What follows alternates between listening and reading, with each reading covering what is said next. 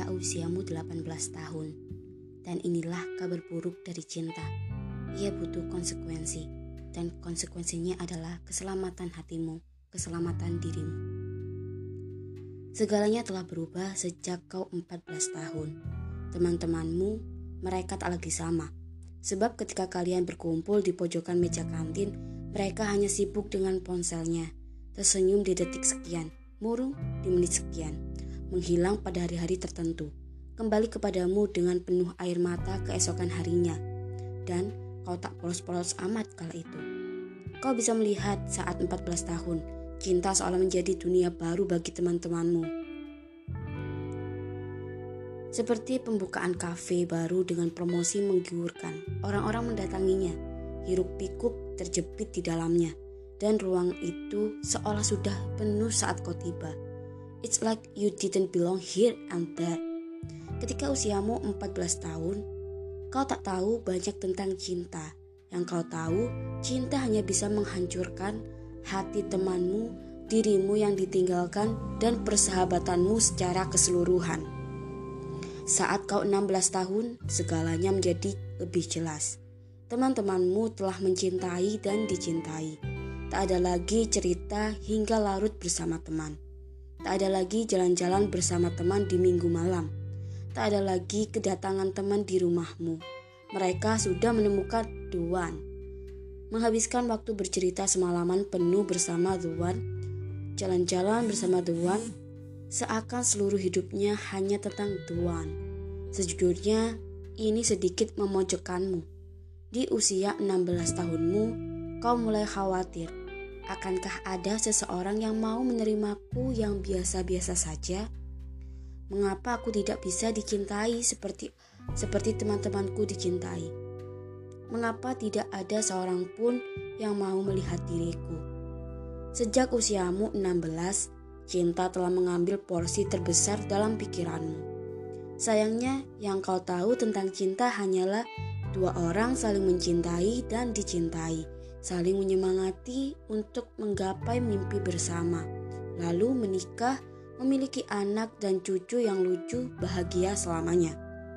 Puncaknya, saat kau 18 tahun, kau bertemu cinta pertamamu dan patah hati pertamamu. Bertahun-tahun menanti cinta, kau mencoba yang terbaik, mencintaimu begitu dalam, dicintai begitu tulus, lalu seiring waktu topengnya terbuka. Mendung hadir, badai turun, dan dalam sekejap mata ia menghancurkan segalanya masalah-masalah sepele, keegoisan yang tak masuk akal, perbuahan hati yang signifikan. Semua itu berujung pada satu kecelakaan besar. Patahnya hatimu. Sakit yang tak berdarah. Sakit tanpa luka konkret. Terlalu susah untuk mengetahui bagaimana dan di mana harus diobati. Dan saat kau 18 tahun, kau sadar cinta butuh konsekuensi dan konsekuensinya adalah keselamatan hatimu, keselamatan hatimu sendiri. Sampai-sampai kau takut jatuh cinta karena tak mau seluruh dirimu patah, dirimu patah seperti ini lagi. Lalu, tahu-tahu usiamu sudah 20 tahun. Kau bertemu seseorang baru, cinta yang baru, kebahagiaan yang baru. Sayangnya, patah hati yang sama. Kau pikir kau akan sedikit lebih terbiasa merasakan patah hati. Tetapi, patah hati selalu ter terasa baru, seperti cinta pertama. Dan ketika patah hati hadir, ia seakan rintikan hujan setajam pisau, kilat dan petir yang terdengar seperti amarahnya. Badai tanpa henti, semua bersatu menyerang hatimu. Sudah, cukup. Tidak lagi mencintai jika harus selalu seperti ini, batinmu. Menyerah dalam diam. Di akhir 20 tahunmu, kau berusaha menenangkan dirimu dengan berkata, Mungkin ini masalah waktu dan orang yang tepat. Mudah-mudahan aku segera menemukan keduanya, waktu yang pas dan orang yang tepat. Lima tahun kemudian, kau sedang sendiri di kubikel favoritmu. Ditemani secangkir kopi yang sudah dingin, laptop yang tak tersentuh, dan sebuah undangan pernikahan dari temanmu. Ini adalah undangan pernikahan kesekian dari teman-temanmu. Ya, teman-temanmu telah menikah Beberapa bahkan telah memiliki anak-anak lucu. Waktu terus beranjak. Foto-foto pernikahan bermunculan di Instagram, keromantisan dipamerkan di sana-sini, dan kau semakin ketakutan. Kapan tiba waktuku? Tidakkah ini mengingatkanmu pada dirimu yang masih 16 tahun? Kupikir ada pelajaran membekas yang kau ambil selama 9 tahun terperangkap dalam cinta. Patah hati, jatuh cinta lagi, patah hati, patah hati lagi. Ternyata tak ada perbedaan signifikan pada hati 16 tahunmu dan hati 25 tahunmu. Namun sudah tak apa-apa. Mudah-mudahan kau segera menemukan pelajaran membekas sehingga kau tak perlu lagi khawatir pada hal-hal semacam ini.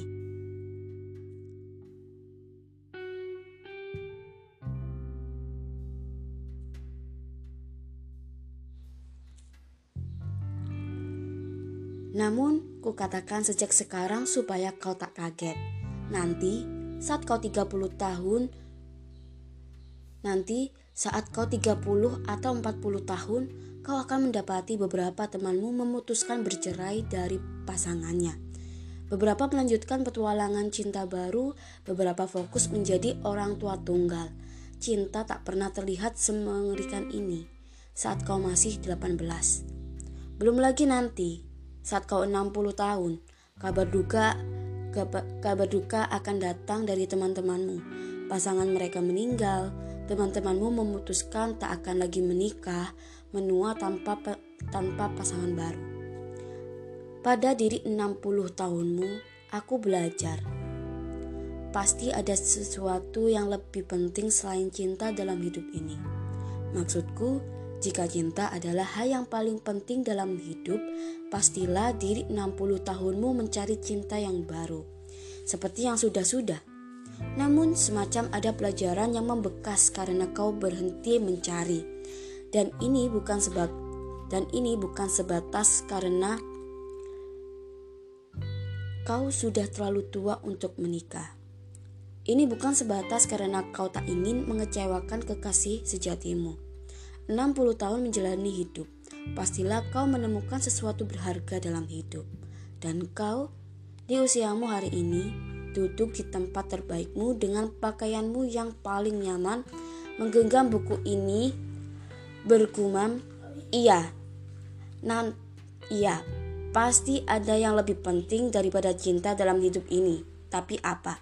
Maka tetaplah menggenggam buku ini ia akan menarikmu ke dalam berbagai realitas cinta yang mudah-mudahan membuatmu ketika jatuh cinta, jatuh cinta nanti tak lagi patah hati, tak lagi patah sehancur itu. Oh, menjawab pertanyaanmu tadi, iya, pasti ada yang lebih penting daripada cinta dalam hidup ini. Tapi apa?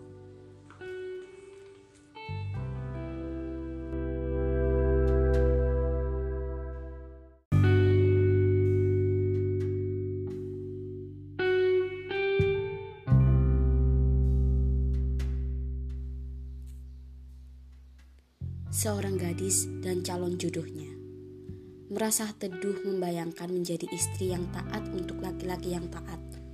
Sayangnya, pada orang tuanya, dia bahkan tak pernah belajar menjadi anak yang taat. Ada seorang gadis di minggu pagi. Sudah pukul 9 pagi, dia belum beranjak dari tempat tidurnya. Berbaring, menatap layar ponsel dan jarinya menggulir lini masa Instagram. Lalu dia berhenti pada satu foto. Seorang laki-laki berdiri tegap dengan latar langit biru tanpa awan, tersenyum tipis tanpa memandang kamera. Gadis itu tanpa disadarinya ikut tersenyum. Sesungguhnya gadis itu jatuh hati kepada laki-laki ini. Siapa yang tak jatuh? Siapa yang tak jatuh hati dengan laki-laki ini? Dia tampan, tetapi itu bukan faktor utama. Lewat Instagram, dia selalu membagikan pengingat-pengingat baik yang menenangkan hati. Dia selalu mengingatkan para followers untuk tak meninggalkan sholat lima waktu. Suaranya merdu saat melantunkan Al-Quran daripada dari apa yang gadis itu lihat. Pemuda itu seperti rajin beribadah, memiliki ilmu agama yang baik. Such a Such a husband material every woman needs. Seringkali gadis itu membayangkan kehidupan setelah pernikahan bersama laki-laki itu. Mendengarkan suara merdu laki-laki itu setiap malam juga membaca juga membacakan surat favoritnya. Sayangnya, gadis itu bahkan tak pernah membuka Al-Quran untuk membaca surat favoritnya. Dibangunkan sebelum azan subuh oleh laki-laki idamannya. Sayangnya, gadis itu bahkan tak pernah berusaha untuk sholat subuh, kecuali ketika dia sedang ingin. Senantiasa diingatkan untuk sholat lima waktu oleh laki-laki idamannya.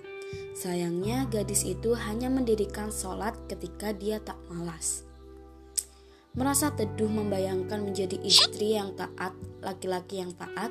Sayangnya, pada orang tuanya dia bahkan tak pernah belajar menjadi anak yang taat.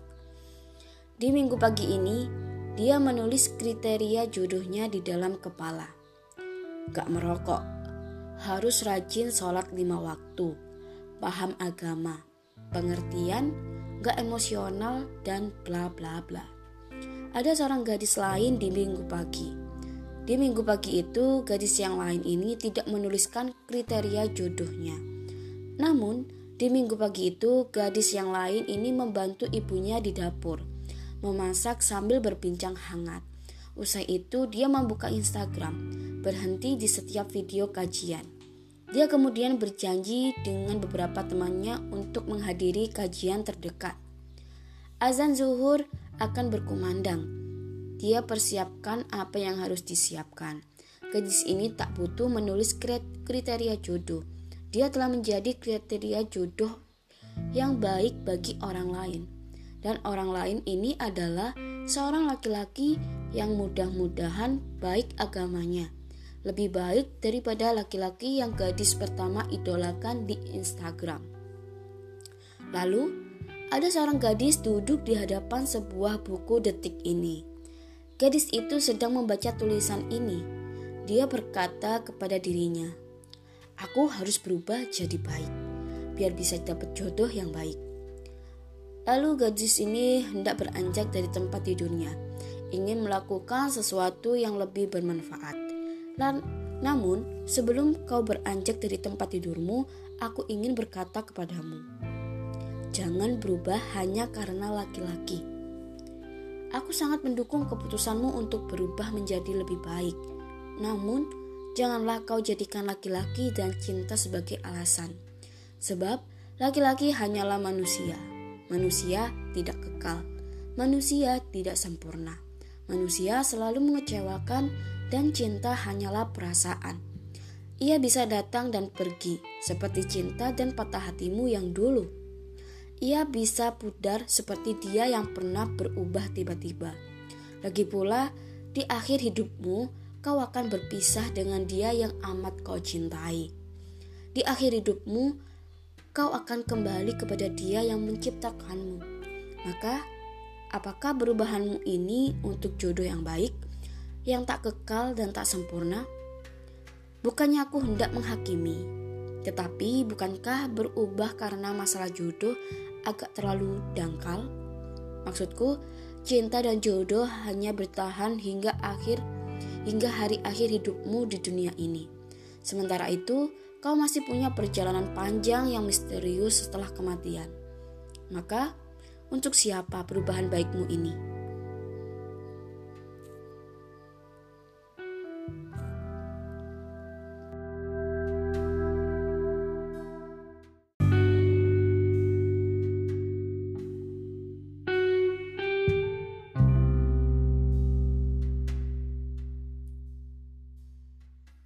Apakah dia sedang memberiku harapan? Ada yang berbeda dari cara dia melihatmu, cara dia membalas pesanmu, cara dia bercerita kepadamu.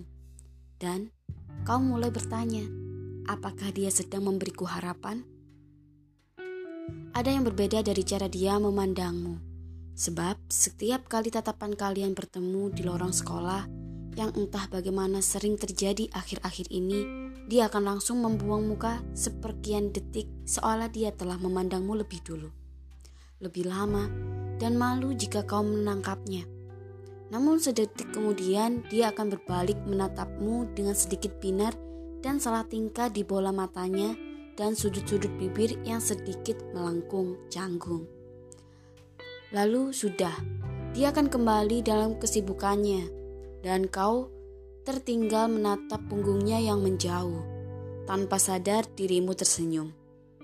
Tadinya kau biasa saja, tadinya dia hanyalah teman sekelas tanpa arti teman sekelas yang tak menonjol, duduk di bangku barisan tengah, bukan yang paling pendiam, bukan yang paling ramai, bukan yang paling nakal, bukan yang paling rupawan, melainkan siapa peduli jika caranya memandangmu membuatmu merasa sedikit spesial.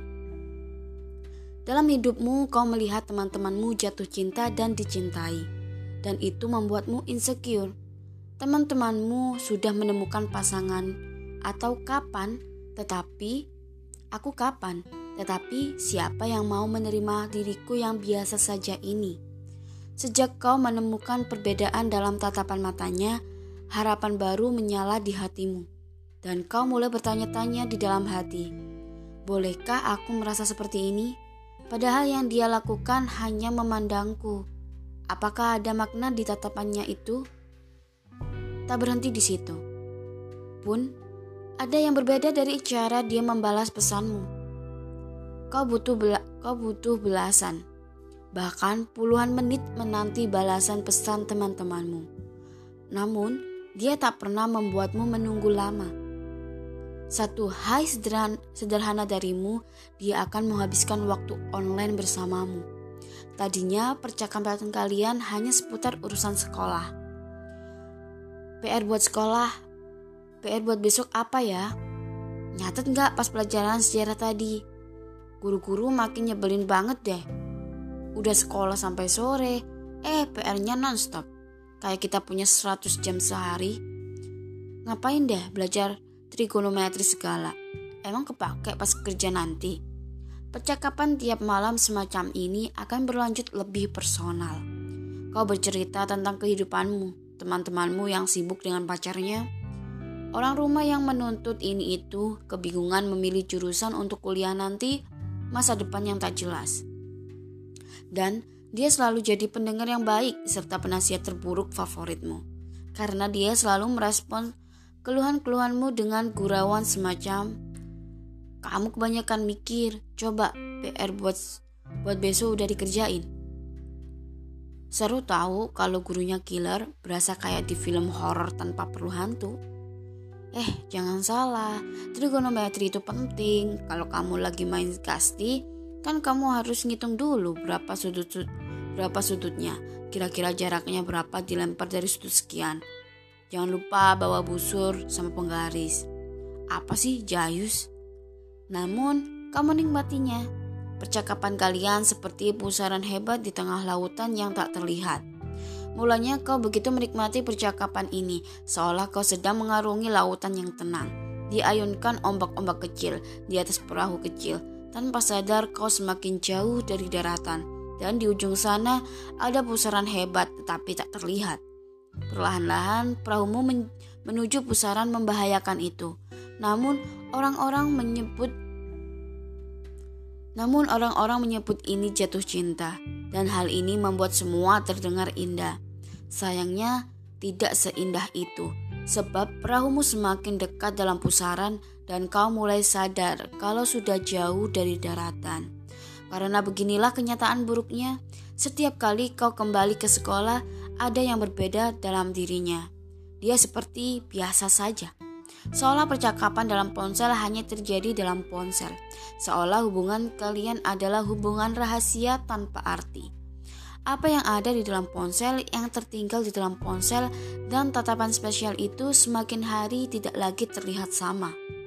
Karena kita kau karena ketika kau mencari tatapannya, yang kau lihat adalah dirinya berbincang dengan dan bergurau dengan gadis yang duduk di depannya. Jika dia memang menyukaiku, harusnya dia menjaga perasaanku kan? Atau aku yang terlalu berlebihan dalam merasa? Mungkin mereka cuma teman, ya. Mereka memang teman. Memang mereka teman kok. Lalu, apa makna dari semua curhat dan semua gurauannya hingga tengah malam di ponsel. Apa sebenarnya maksud dia? Apakah dia sedang memberiku harapan? Apakah ini semua sinyal dan kode? Ataukah dia menganggapku sebagai teman saja? Namun, jika aku hanya dianggap sebagai teman, mengapa dia selalu jadi orang tercepat yang membalas pesanku? Mengapa dia selalu ada ketika aku butuh? Mengapa percakapan kami begitu intens? Mengapa kami begitu terbuka satu sama lain? Kau bertanya kepada teman-temanmu. Jawaban teman-temanmu melambungkan hatimu. Iyalah jelas banget dia care sama kamu, sinyal dari kamu kurang kencang kali. Keningmu mengerut. Balas bertanya, aku udah cukup terbuka sama dia. I told him all of my stories. Harusnya itu kan jadi sinyal buat dia. Masalahnya, jika dia memang memiliki rasa, mengapa nggak ada perkembangan dalam percakapan kami? Kayak cuma di situ-situ aja, gak ada omongan tentang hubungan ini. Salah satu temanmu berkata, Udah bukan zaman cewek nungguin cowok, gak ada salahnya cewek mulai duluan. Namun, bukan itu masalahnya. Lalu, Gimana kalau aku sudah mengungkapkan semuanya dan ternyata dia nggak ada nggak ada rasa? Dan sejujurnya aku terlalu takut untuk mengetahui kenyataannya. Aku belum siap patah hati. Namun hari ini aku berbaring di tempat tidurmu, lampu mati, ponsel menyala, membalas pesan-pesannya, perahumu mendekati pusaran tak terlihat itu. Dan ombak semakin menjadi-jadi. Ada lubang kecil dalam perahumu karena air mulai masuk. Dadamu sesak, hatimu gundah gulana dan logikamu bimbang. Apakah sebaiknya aku menghentikan ini semua? Lalu bagaimana jika dia memang ada rasa? Atau aku katakan saja. Dan aku berada di sini, duduk di bangku komputerku, memahami perasaanmu. Aku tidak melihatmu, aku tidak mengenalmu, tetapi bolehkah aku mengatakan sesuatu? Kita sama-sama tak pernah tahu bagaimana ini berakhir. Apakah kau hanya sebatas rumah persinggahan? Apakah kau hanya kepingan kisah cinta yang hanya akan jadi kenangan masa lalu? Apakah dia menghubungimu karena dia tidak punya teman chat yang asyik? Apakah dia memang seperti ini kepada semua orang? Ataukah dia memang benar-benar menyukaimu? Kita tak pernah tahu. Namun, ada satu hal yang aku tahu. Aku hanya hanya karena dia memberimu harapan, hanya karena dia menyukaimu, tak lantas berarti dia akan jadi jodohmu. Perjalananmu masih panjang, dan hatimu masih sangat murni. Jangan biarkan seorang pun menyakitinya. Sekarang, perbaiki perahumu. Melajulah. Tinggalkan dia di belakang. Simpan hatimu di tempat terbaik. And don't let anyone break it. Entah bagaimana, firasatku mengatakan jika kau melanjutkan ini, kau akan tersakiti lebih dalam.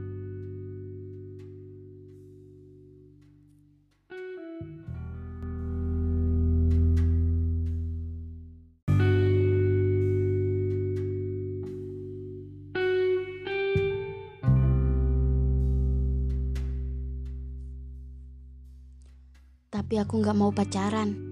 Mencintainya terasa seperti berdiri di penghujung tebing dengan mata tertutup.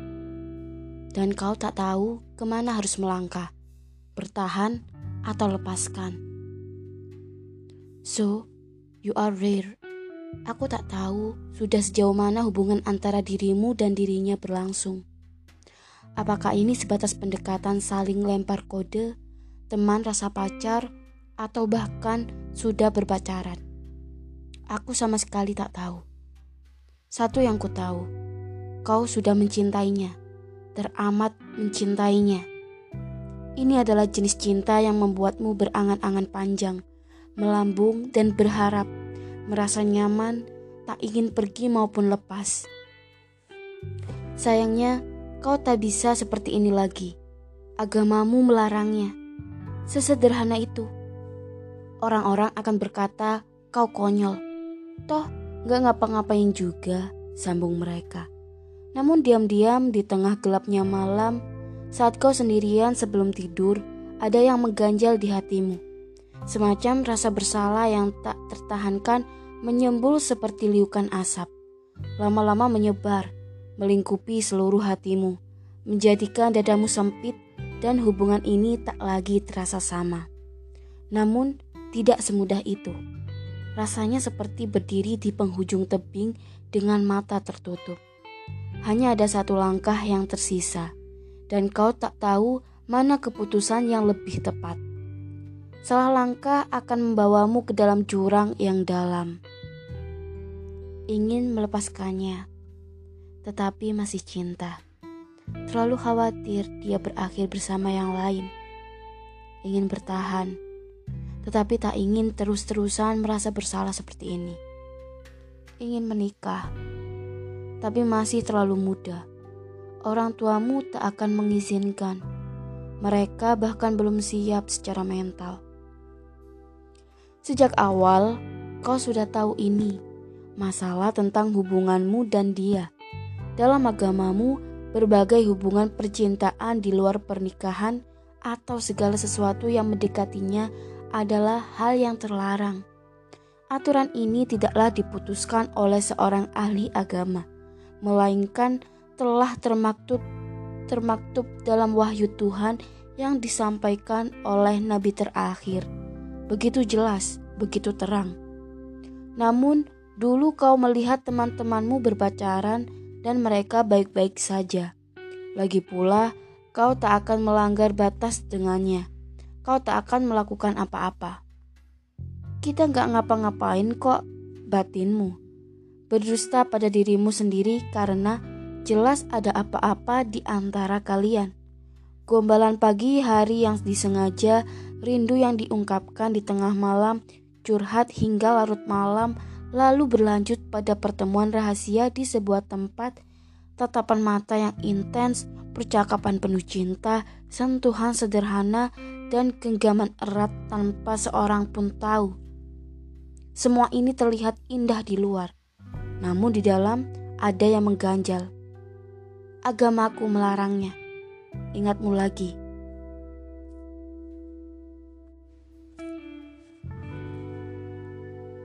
Kau bukan seseorang yang religius, namun jujur saja kau lelah merasa bersalah terus-menerus. Hubungan ini pun tak pernah menemukan kepastian, seolah hanyalah kamuflase agar bahagia. Kamuflasenya agar memiliki someone. Kau diambang dilema Sungguh, kau ingin melepaskannya, namun ini terlalu berat, dan kau ingin bilang satu hal: kau langkah. Karena orang-orang di sekitar kita mengharapkan cinta dari orang-orang yang tidak kekal, namun kau mengharapkan cinta dari Tuhan yang Maha Kekal.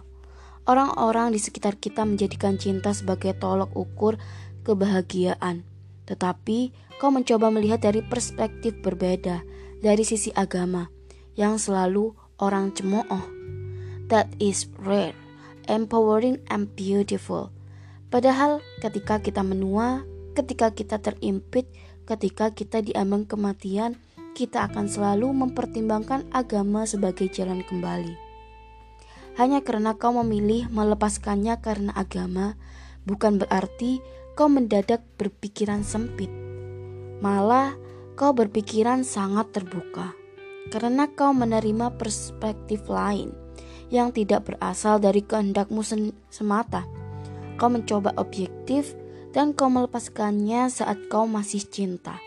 Tiba-tiba saja aku teringat sebuah, well, aku tahu apakah ini layak disebut sebuah kalimat. Karena ini jelas lebih dari sekitar sebuah kalimat. Ini adalah potongan ayat dari kitab agamamu begitu dalam, indah, menenangkan, dan cocok untuk posisimu saat ini. Ini dia.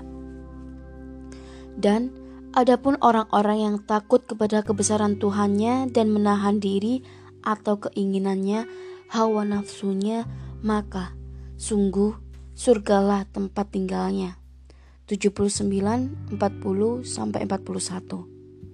Selamat tetaplah langka.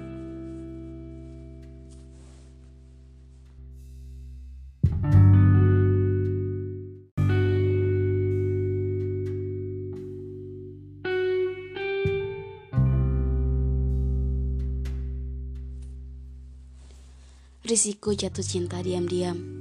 Jatuh cinta diam-diam telah mengajarkanmu untuk menjaga hati dari hal yang tak pasti. Jatuh cinta yang paling indah adalah jatuh cinta diam-diam. Sejak awal kau sudah tahu kau tak akan pernah bisa mengungkapkan ini. Jangankan mengungkapkan, untuk menyapanya saja perutmu bergejolak luar biasa.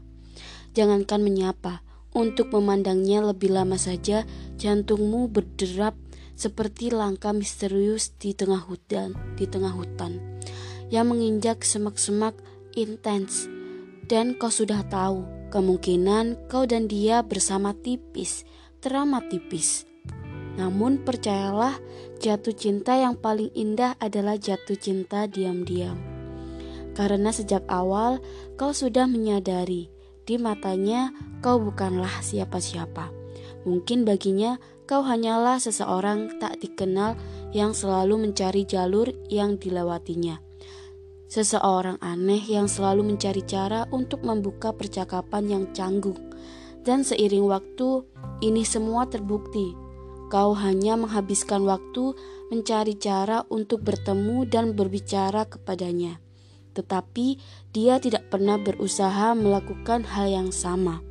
Ini semua tentang kau dan cintamu yang tersembunyi, dan kau menyadarinya.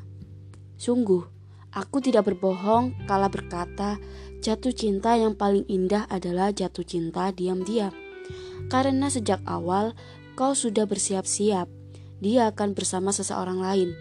Dan ini menyakitkan untuk dipikirkan namun bagaimanapun kau tak bisa mengelak, cepat atau lambat akan ada seseorang yang berdiri di sampingnya, memandangnya penuh cinta dan dia akan memandang seseorang itu dengan pandangan yang sama.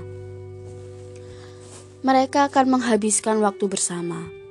Kau akan menghabiskan waktu sendiri di bangku paling belakang melihat punggung mereka yang perlahan-lahan mengabur oleh air matamu. Hari itu, hari ketika mereka telah bersama, akan menjadi hari penyesalanmu. Kalau saja aku berani memulai, jika ada sebuah pintu yang dapat memutar ulang waktu,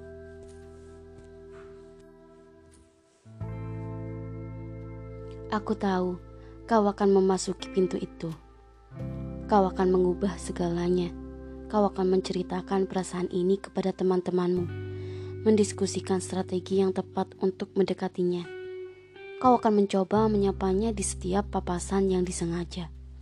Kau akan memberanikan diri untuk membuat untuk membuka percakapan. Hal-hal sepele seperti menanyakan tugas baru, meminjam catatan miliknya, dan membahas guru paling killer di kelas. Teman-temanmu akan berteriak, "Cie!" Pipimu akan memanas. Dia tersenyum Lalu kalian tertawa bersama-sama, menulis cerita cinta baru. Tak langsung pulang ke rumah saat kelas telah berakhir. Lebih banyak bercerita seperti sahabat sejati yang terlalu dekat, mengirimkan sinyal-sinyal yang kau harap dia peka terhadapnya. Perasaanmu semakin meluap, seperti kembang api yang terbang ke langit, tapi tak kunjung meletup. Dan pada suatu malam, kau tak lagi bisa menyimpan perasaan ini, maka jarimu mengetik sebuah pesan, sebuah pengungkapan. Aku malu sebenarnya bilang ini, namun selama ini aku punya perasaan sama kamu. Aku nggak tahu kapan ini bermula. Aku nggak tahu mengapa. It just happened, and it's been happening for so long. Perasaan ini menyiksaku sampai-sampai aku nggak tahan lagi bilang ini. Aku takut kalau kamu bakal berubah setelah ini aku bla bla titik titik titik. Di sana di baris itu jarimu bertahan karena dia mengetik sebuah pesan sebuah pengungkapan yang sama. Aku juga punya rasa sama kamu dan aku takut kalau kamu berubah setelah ini. Hari itu hari ketika kamu membaca pesan ini adalah hari ketika kau tahu Jatuh cinta diam-diam hanyalah milik orang-orang penakut. Kau tidak menyesali keputusanmu untuk lebih berani. Maka sejak hari itu kau mencintainya sedalam-dalamnya. Sejak hari itu kau membuka pintu hatimu untuknya, membiarkan dia masuk mengambil hatimu, menyimpan hatimu ke dalam hatinya, dan menuliskan cerita cinta terbaik bersamanya. Namun hari itu, kau dan dia hanyalah seorang gadis dan pemuda yang terlalu muda. Belum memahami cinta, komitmen, tanggung jawab, dan konsekuensinya. Kalian belum menempuh kalian belum menemukan jati diri sesungguhnya. Tak ada komitmen yang jelas selain status aku miliknya. Maka datanglah sebuah hari ketika kalian bertengkar seperti musuh bebuyutan, beradu mulut pada hal yang tak jelas, saling menyakiti padahal saling mencintai, hingga berujung pada kita udahan aja. And it's so hard, so bad. Hari itu hari ketika hatimu patah berkeping-keping karena berakhirnya hubungan ini kau akan melihat kembali pintu yang dapat memutar waktu. Kau akan membuka pintu itu, namun kau tak bisa mengambil langkah. Ada kaca tak terlihat yang menghalanginya. Namun di balik kaca itu ada dirimu. Dirimu yang dulu duduk di bangku belakang menatap punggung seseorang yang kau cintai bersama orang lain. Melihat dirimu yang dulu kau bergumam. Iya ya, Jatuh cinta yang paling indah adalah jatuh cinta diam-diam. Karena jatuh cinta diam-diam telah melatihmu untuk menjaga ekspektasi sewajarnya. Jatuh cinta diam-diam telah mengajarkanmu untuk menjaga hati dari hal yang tak pasti. Jatuh cinta diam-diam telah menunjukkan kepadamu bahwa kau mampu melangkah tanpa dia. Jatuh cinta diam-diam adalah bukti bahwa kau bertahan, meski Perih hatimu melihat dia bersama seseorang lain. Setelah semua rasa sakit ini, jatuh cinta diam-diam akan kembali ke asalnya, bersembunyi di lubuk hati paling dalam, lalu menciut semakin meke, semakin kecil, lama-lama memudar, lama-lama terlupakan. Dan yang terbaik dari semua itu adalah you've just saved your heart, and it's the most beautiful things you've ever done to yourself. One day, you'll teach your kids this lesson.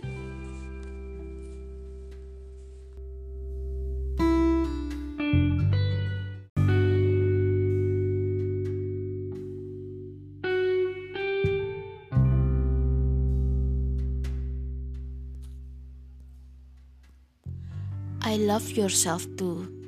This love makes me insecure, but I still don't want to leave. Di dalam kamarnya, gadis itu sedang membuka Instagram. Dia mengunjungi sebuah profil dan foto-foto cantik tersebar di layar ponsel. Pujian yang bertumpuk di kolom komentar dan ada hati yang diam-diam iri. Dia cantik banget sih. Body goals. Coba kalau kulitku seputih dan semulus ini. Enak ya, gak usah mikirin soal jodoh. Siapa aja pasti mau sama dia. Lalu dia mengunjungi profil-profil lain, kecantikan-kecantikan lain, pujian yang lebih banyak, hati yang lebih iri. Lelah dengan hati yang iri, gadis itu keluar dari Instagram, beranjak dari tempat tidurnya, menyalakan lampu kamar, melangkah menuju cermin, lalu menatap mata gadis di dalam cermin. Satu langkah ia mendekat, dan mata itu berubah kritis. Gila ya, Jelek banget gue. Dia mengarahkan wajahnya lebih dekat dengan cermin. Mematut kanan kiri. Aduh, kok bekas jerawat gak hilang-hilang sih? Dia menatap perutnya, menggenggam lemak di sana. Tak bisa tak bisa bicara, hanya menarik napas yang terasa sesak. Siapa yang mau sama orang kayak aku? Dia berjalan mundur, menjauhi cermin, dan beragam macam suara bermain di kepalanya. Emang ada ya yang mau sama aku? Emang ada yang mau sama kamu? Fisik kurang oke, pintar juga enggak, belum lagi kekurangan lainnya. Bisa apa kamu emangnya? Kamu gak menarik? Dan dia duduk tersungkur di ujung tempat tidurnya. Kecemasan mencekiknya, membuat dadanya terasa penuh, hingga bernapas pun terasa berat. Siapa yang bakal memilih orang seperti aku? Dan aku masih duduk di sini di depan komputerku menulis ini. Aku tahu kau sedang merasa ini. Masalahnya, telah lama kau menutup mata, sibuk memperhatikan kehidupan gadis-gadis lain yang lebih cantik di Instagram. Coba, sesekali lihatlah sekelilingmu. Tak perlu jauh-jauh, tengok sekitar. Kau akan menemukan orang-orang dengan berbagai ras, warna kulit, ukuran dan bentuk tubuh. Pada akhirnya, mereka akan menemukan pasangan mereka. Di dunia ini ada orang-orang yang menjadikan fisik lawan jenis sebagai segalanya. Ya sudah, biarkan mereka. Kau tak perlu memedulikan mereka. Hapus mereka dari daftar calon pendampingmu. Ada penilaian ada penilaian yang lebih berharga daripada fisik. Namun, kau juga harus berhenti menilai seseorang berdasarkan fisiknya. Bukankah kau tak suka dinilai berdasarkan fisik? Maka kau jangan jadikan fisik sebagai segalanya termasuk bagaimana kau melihat dirimu, apresiasi dirimu, syukuri bagaimana kau telah men kau telah diciptakan. Tuhan yang Maha Esa lebih tahu tentang penciptanya. Selalu ada hikmah tersembunyi yang belum kita lihat hari ini. Masih tentang fisik, lihatlah berita-berita di internet. Apakah ketampanan dan kecantikan adalah jaminan menemukan pasangan yang membahagiakan? Bila ya, Tentu kita tak perlu mendengar kisah perceraian dari orang-orang kelas atas, kaya, tampan, dan cantik, populer, tetapi hidupnya berantakan. Fisik tak pernah jadi jaminan. Kabar baiknya, di luar sana ada seseorang yang ketika melihat dirimu, dia akan bergumam, "Dia tipeku." Namun, mengapa kebahagiaan kita harus divalidasi oleh seseorang lain? Mengapa kita tidak berdiri di depan cermin, melihat berbagai kelebihan dan kekurangan yang ada pada fisik kita, dan bersyukur pada apa yang telah kita miliki. Mencintai, menghargai mulai dari dirimu, untuk dirimu sendiri. Jika kamu saja tidak bisa mencintai diri sendiri, bagaimana orang lain bisa jatuh cinta kepadamu? Hidup hidup terlalu singkat untuk meratapi kekurangan Fokuslah pada ke kelebihanmu dan rangkullah dirimu secara utuh.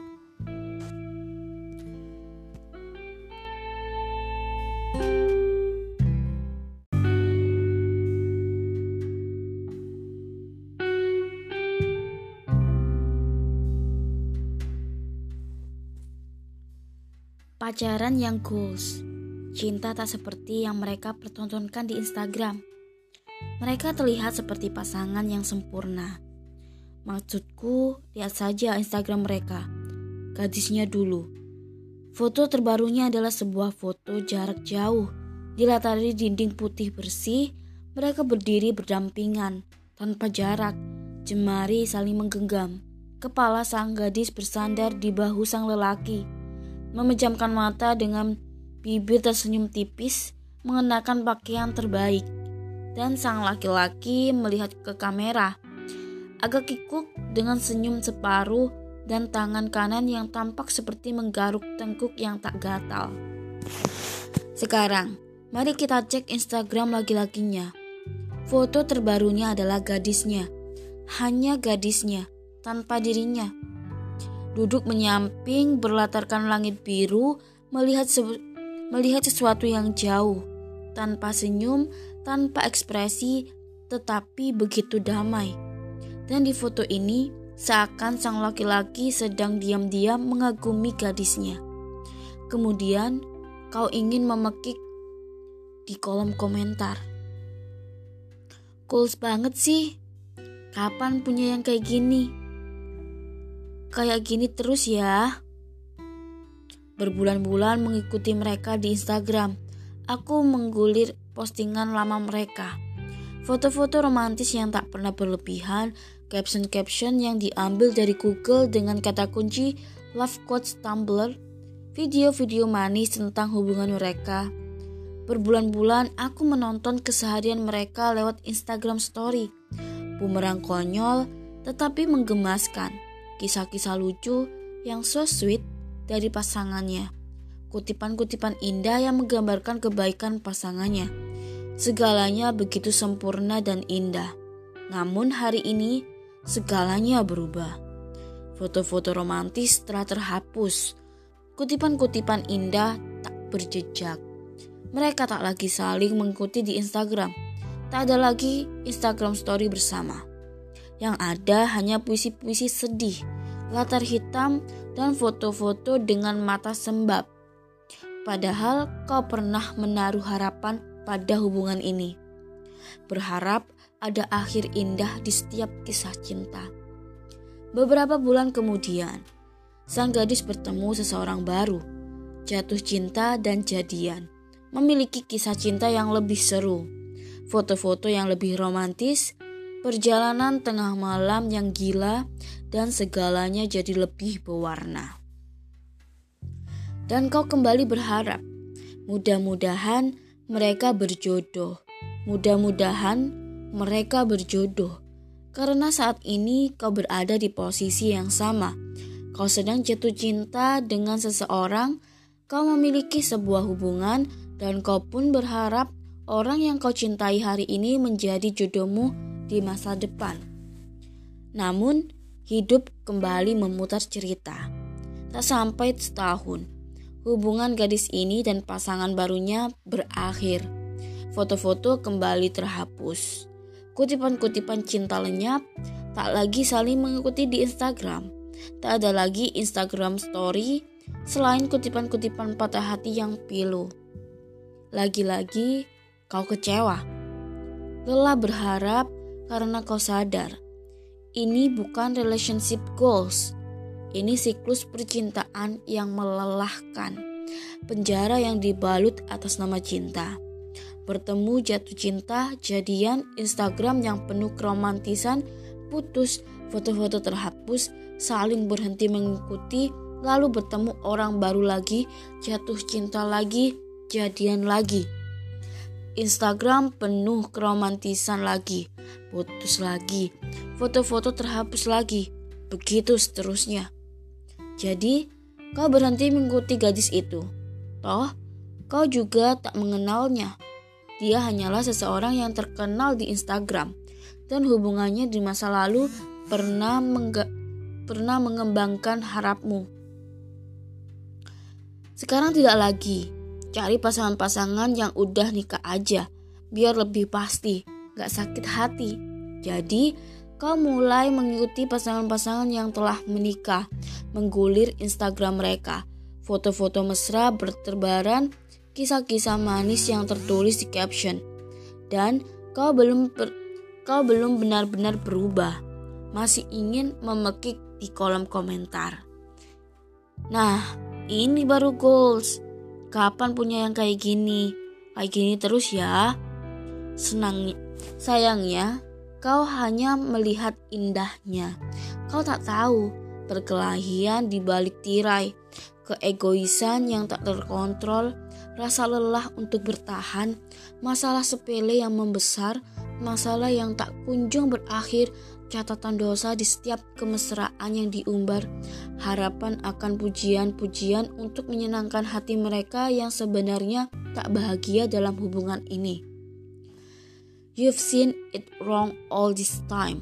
Love doesn't work like a movie. Bukan.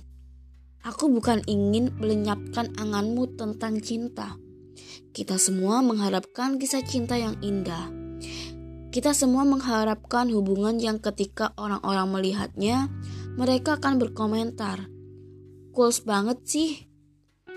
Aku hanya ingin kau sedikit lebih realistis bahwa cinta tidak seperti yang mereka pertontonkan di Instagram. Karena jujur saja, aku khawatir ketika kau telah menemukan kekasihmu kekasih sejatimu, menikah dan hidup bersama nanti, kau akan menjadikan Instagram sebagai patokan kebahagiaanmu, bergumam dalam hati. Kenapa hubunganku nggak bisa kayak gini? Kita semua hanya melihat sisi indahnya. Jangan terkecoh. Mari letakkan cinta di tempat yang tepat. Karena selama ini cinta terlalu diagung-agungkan. We are better than love. Dirimu lebih penting daripada cinta.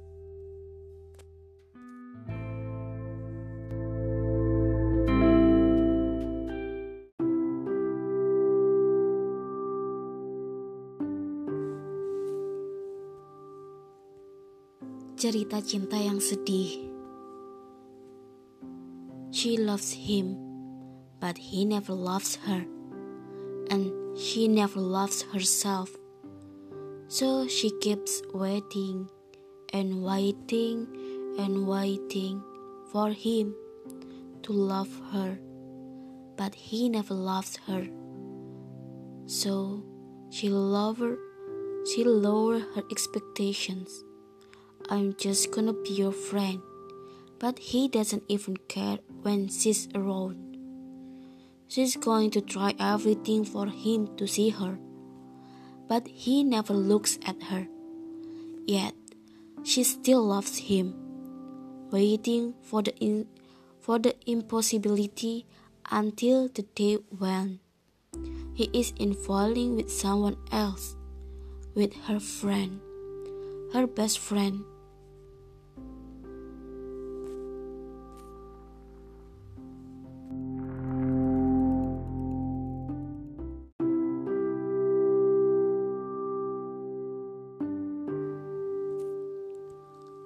Jodoh yang sedang mendoakanmu. Dia tak tahu namamu. Kau tak tahu namanya. Kalian tak pernah bertemu. Namun, dia sedang mendoakanmu.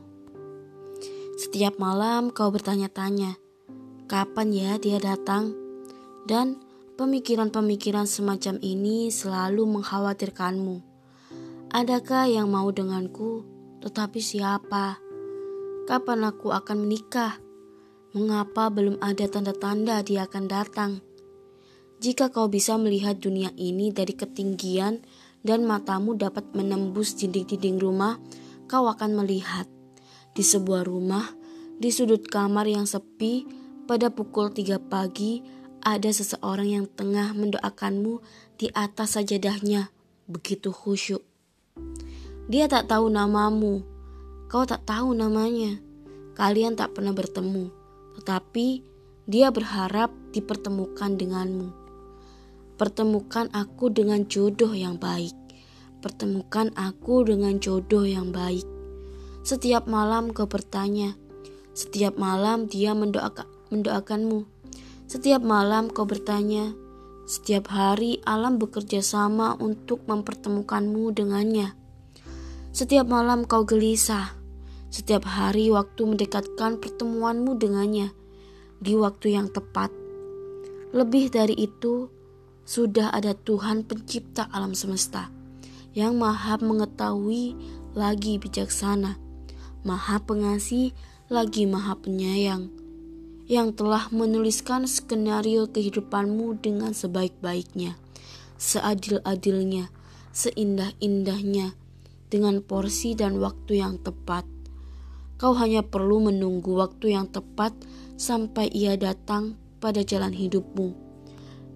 Berjiwa sabarlah, berjiwa besarlah. Bukankah Tuhan selalu bersama orang yang sabar? Apalagi yang kau ragukan.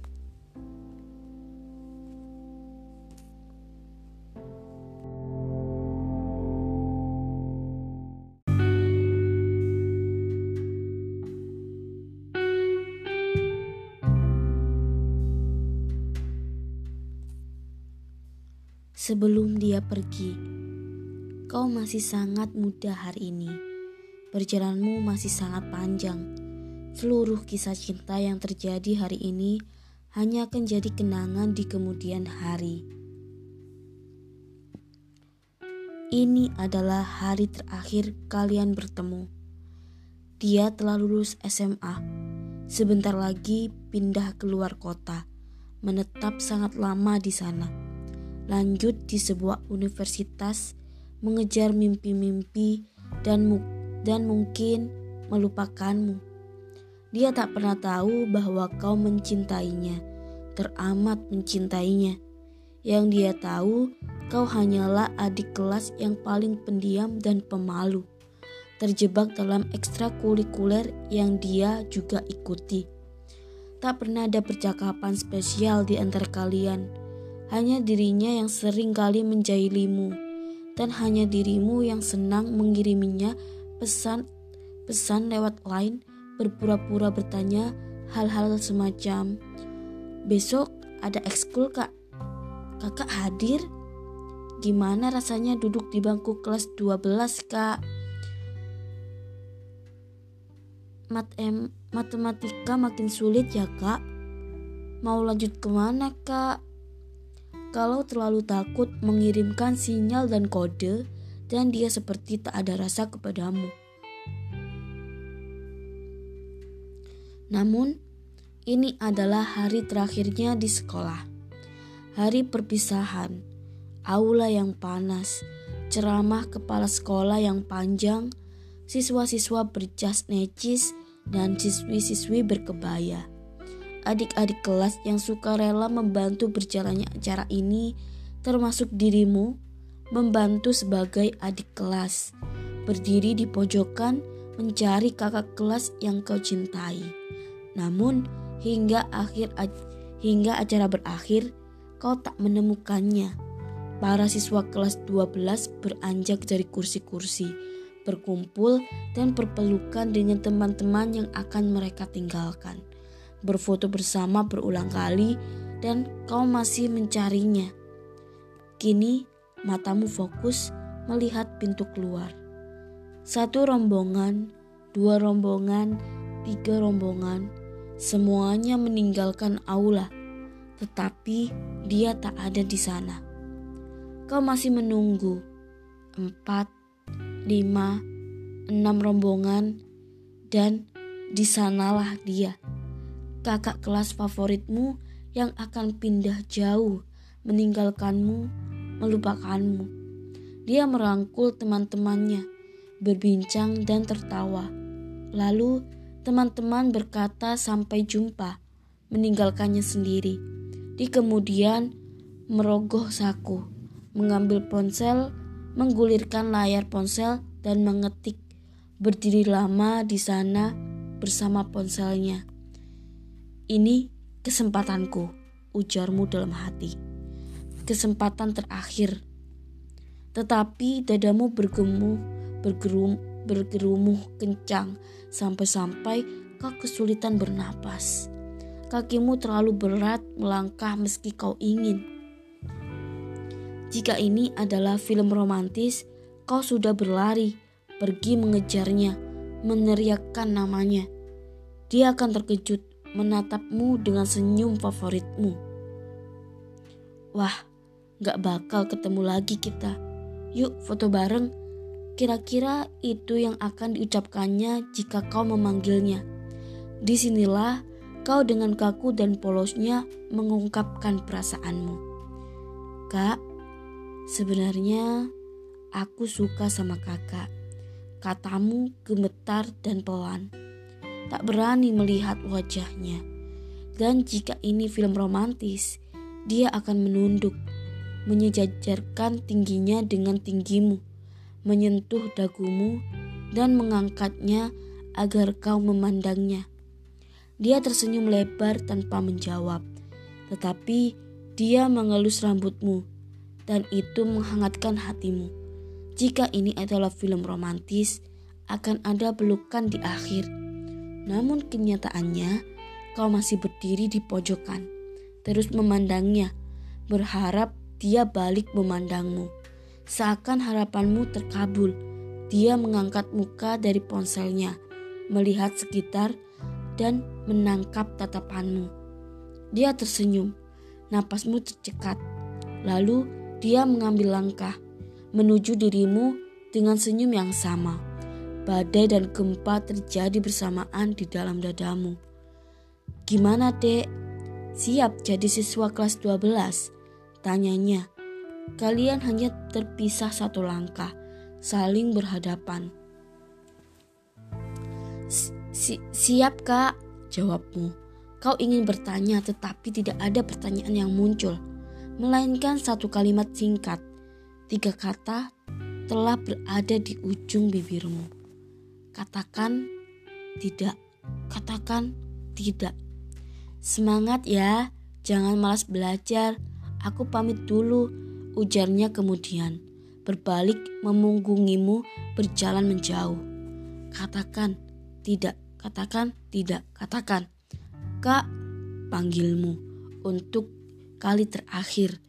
Dia berbalik, lidahmu sudah keluh, lututmu amat lemas, dan telapak tanganmu basah oleh keringat dingin. Katakan tidak, katakan tidak. Aku, hmm, su, kau menelan, kau menelan ludah, berusaha mengembuskan napas yang sedari tadi tertahan. Su, sukses selalu ya kak. Mudah-mudahan cita-citanya tercapai. Ucapmu sedikit lebih keras. Menguatkan diri untuk tersenyum lebar, menahan napas agar air mata tak jatuh. Kakak kelas favoritmu tersenyum. Mungkin ini senyum terakhir yang akan kau lihat.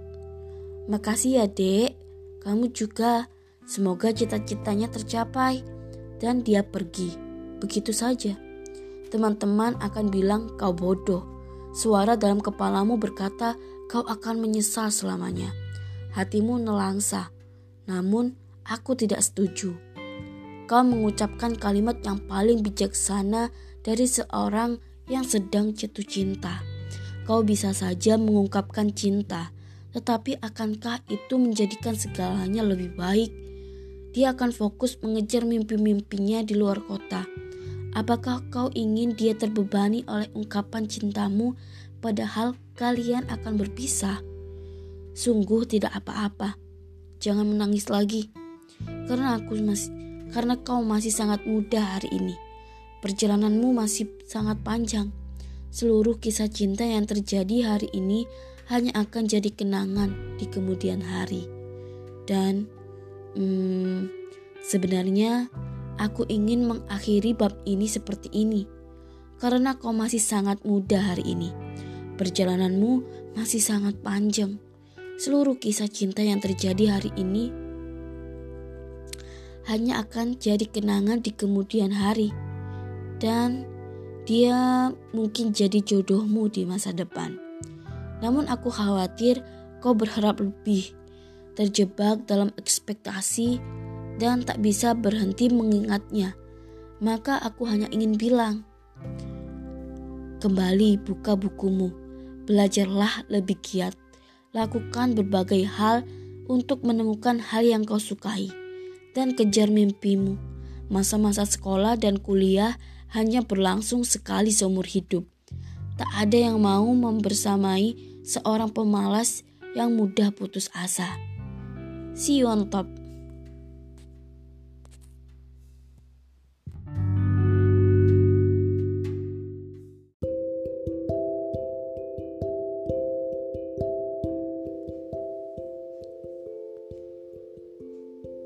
But I'm in love with the bad boy.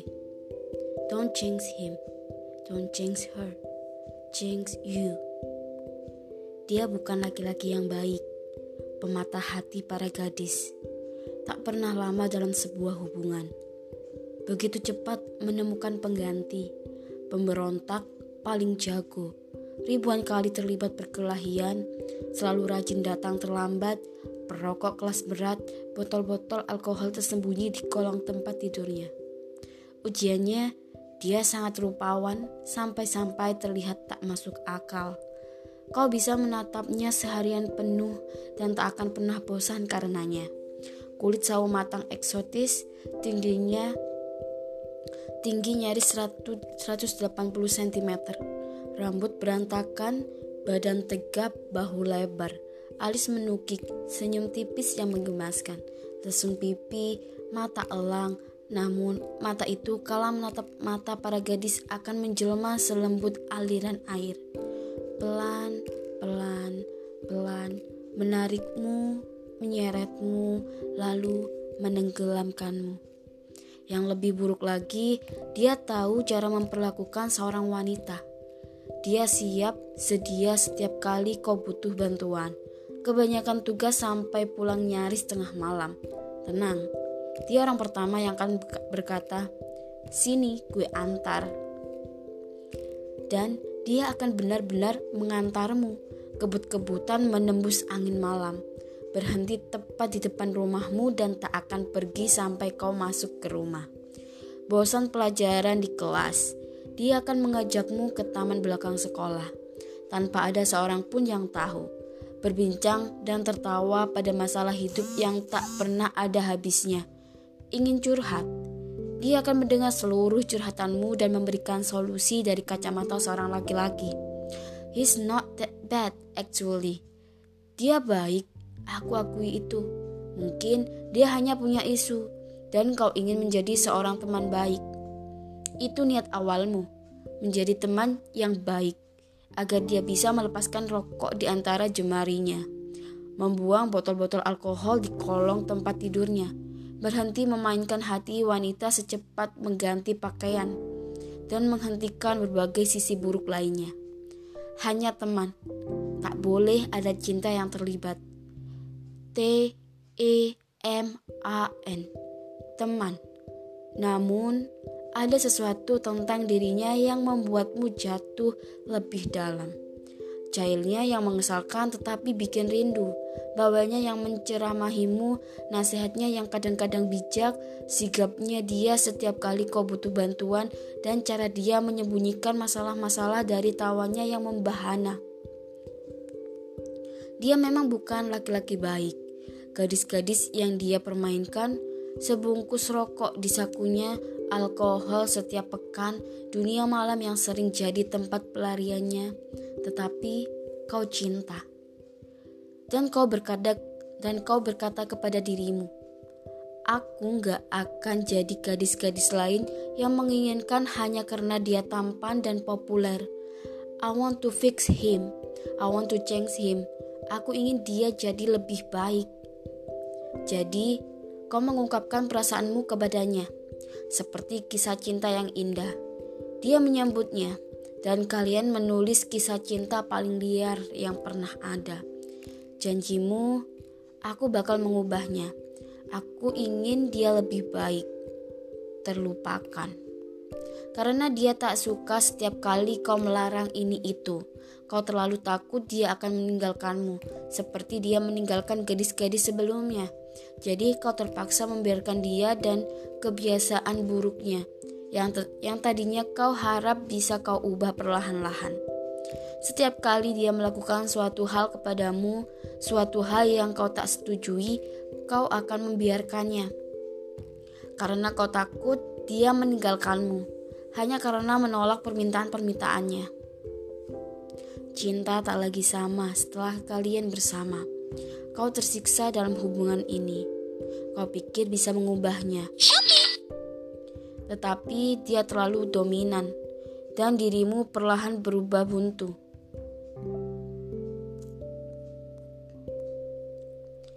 Sejujurnya, aku tak punya saran apa-apa jika sudah seperti ini. Kalau kau terus memaksakan sebuah saran, maka lepaskanlah. Tetapi, apakah kau mau mendengarku untuk melepaskannya. Pada akhirnya, ini akan jadi pelajaran terbesar dalam hidupmu bahwa kita tak pernah bisa mengubah seseorang, apalagi dalam kondisi jatuh cinta. Sebab saat kau jatuh cinta, hatimu teramat lemah dan rentan. Pada masa-masa seperti ini, kau akan mendengar seluruh ucapannya, menuruti apa yang dia perintahkan, mematikan logikamu, melanggar berbagai prinsip yang telah kau pegang bertahun-tahun. Kita yang akan berubah karena cinta, bukan sebaliknya. We're better than love. Jangan biarkan cinta menginjak-injak kita. Sebelum mengakhiri bab ini, aku ingin kau tahu suatu fakta. Nabi Nuh dan, Lab, dan Nabi Lut. Keduanya adalah hamba-hamba Allah yang saleh. Apakah itu menjamin istri-istri mereka patuh? Sayangnya tidak Kenyataannya, istri-istri mereka berkhianat kepada mereka, dan di kemudian hari mereka tak bisa menolong istri-istri karena dari istri-istri mereka dari siksaan. Istri Nuh dan istri Lut, keduanya berada di bawah pengawasan dua orang hamba yang soleh di antara hamba-hamba kami. Lalu kedua istri itu berkhianat kepada kedua suaminya tetapi kedua suaminya itu tidak dapat membantu mereka sedikit pun dari siksaan Allah. 66:10. Lalu ada Aisyah. Aisyah adalah hamba Allah yang taat. Apakah itu menjamin suaminya menjadi seseorang yang patuh pula? Sayangnya tidak. Kenyataannya suaminya adalah seorang Fir'aun. Dan Allah membuat perempuan bagi orang-orang yang perumpamaan bagi orang-orang yang beriman. Istri Fir'aun ketika dia berkata, Ya Tuhanku, bangunkanlah untukku sebuah rumah di sisimu dalam surga dan selamatkanlah aku dari Fir'aun dan perbuatannya dan selamatkanlah aku dari kaum yang zalim.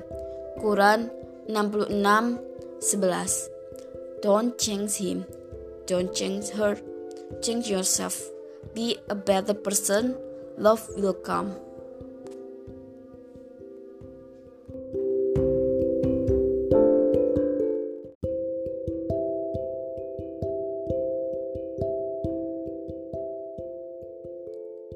Friend zone dan hujan yang turun di luar sana ikut turun di kamarmu melalui matamu. Pukul 11 malam hujan deras. Sendiri di kamar, ponsel berdenting. Ada WhatsApp dari dia. Gue suka sama dia. Kenalin dong. Dan hujan yang turun di luar sana ikut turun di kamarmu melalui matamu. Mungkin laki-laki dan perempuan memang tak pernah bisa bersahabat batinmu. Karena hari ini kau telah membuktikannya sendiri. Sejak kelas 10, kalian telah bersahabat. Tadinya teman sekelas biasa, tak ada yang spesial. Tak ada pertemuan pertama yang mengesankan, tak ada pandangan pertama. Hanya teman yang duduk di seberang bangkumu, yang kelewatan jailnya. Pada masa itu, kau jatuh cinta pada seseorang. Dia juga menyukai seseorang lain. Lalu kalian saling bertukar cerita. Kok cewek suka marah-marah gak jelas? Kenapa sih cowok gak bekah? Cewek sukanya apa dah? Cowok sukanya apa? Kalian bertukar strategi tentang bagaimana mendekati lawan jenis. Kau memberikan panduan, jangan lakukan ini sama cewek. Dia memberikan panduan, ini loh yang cowok nggak suka dari cewek. Kemudian seperti kisah cinta lain, kalian mengalami patah hati. Cintamu bertepuk satu arah. Kau ditolak mentah-mentah dalam keadaan rentan itu, kalian menjadi sahabat yang saling menguatkan, curhat hingga pukul 2 lewat WhatsApp, berusaha keras melempar canda padahal hati sedang berdarah, menyiapkan strategi balas dendam supaya para mantan merasa menyesal dan kalian tertawa dalam kesedihan.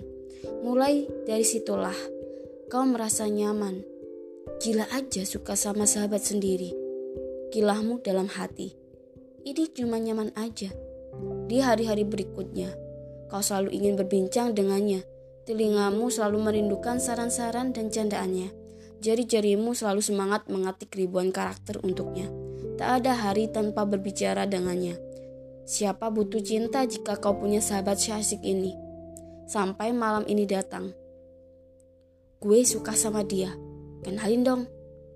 Kau membaca pesan itu lagi. Napasmu tercekat. Matamu panas, ada air mengenang di sana. Kau menutup matamu, membukanya, membaca pesan itu lagi.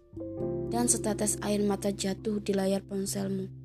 Sejak detik itu, air matamu tak mau berhenti. Ternyata kau sudah jatuh cinta, jauh sebelum kau men menyadarinya. Bales dong, gue harus mulai dari mana? Dadamu sesak, jemarimu bergetar. Woi, bales kek. P. Iya, iya, ntar aku kenalin besok, jawabmu. Tetapi dia tak pernah tahu isi hati, tak pernah tahu hatimu pecah berkeping-keping malam itu. Dan hari-hari menyakiti diri sendiri dimulai. Kau memperkenalkan dia dengan dia. Tahu-tahu mereka sudah dekat, dan kau merasa agak kesepian. Tahu-tahu mereka sudah berkencan, dan kau hanya mampu tersenyum palsu. Tahu-tahu mereka sudah jadian, dan kau ingin mundur dari persahabatan ini. Karena setiap kali kau bercerita dengannya, gadisnya selalu jadi topik pembicaraannya. Selain itu, dia kembali kepadamu hanya ketika mereka sedang bertengkar. Dia datang lagi kepadamu ketika ingin memberi kejutan kepada gadisnya. Dia memanggil namamu ketika dia ingin difoto bersama gadisnya. Dan Kau seperti sudah tak ada arti. Sungguh, kau ingin mundur dari persahabatan ini. Tetap bersamanya sama saja menyakiti dirimu sendiri.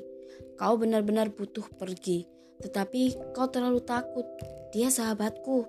Bagaimana jika aku tidak menemukan sahabat seperti ini lagi?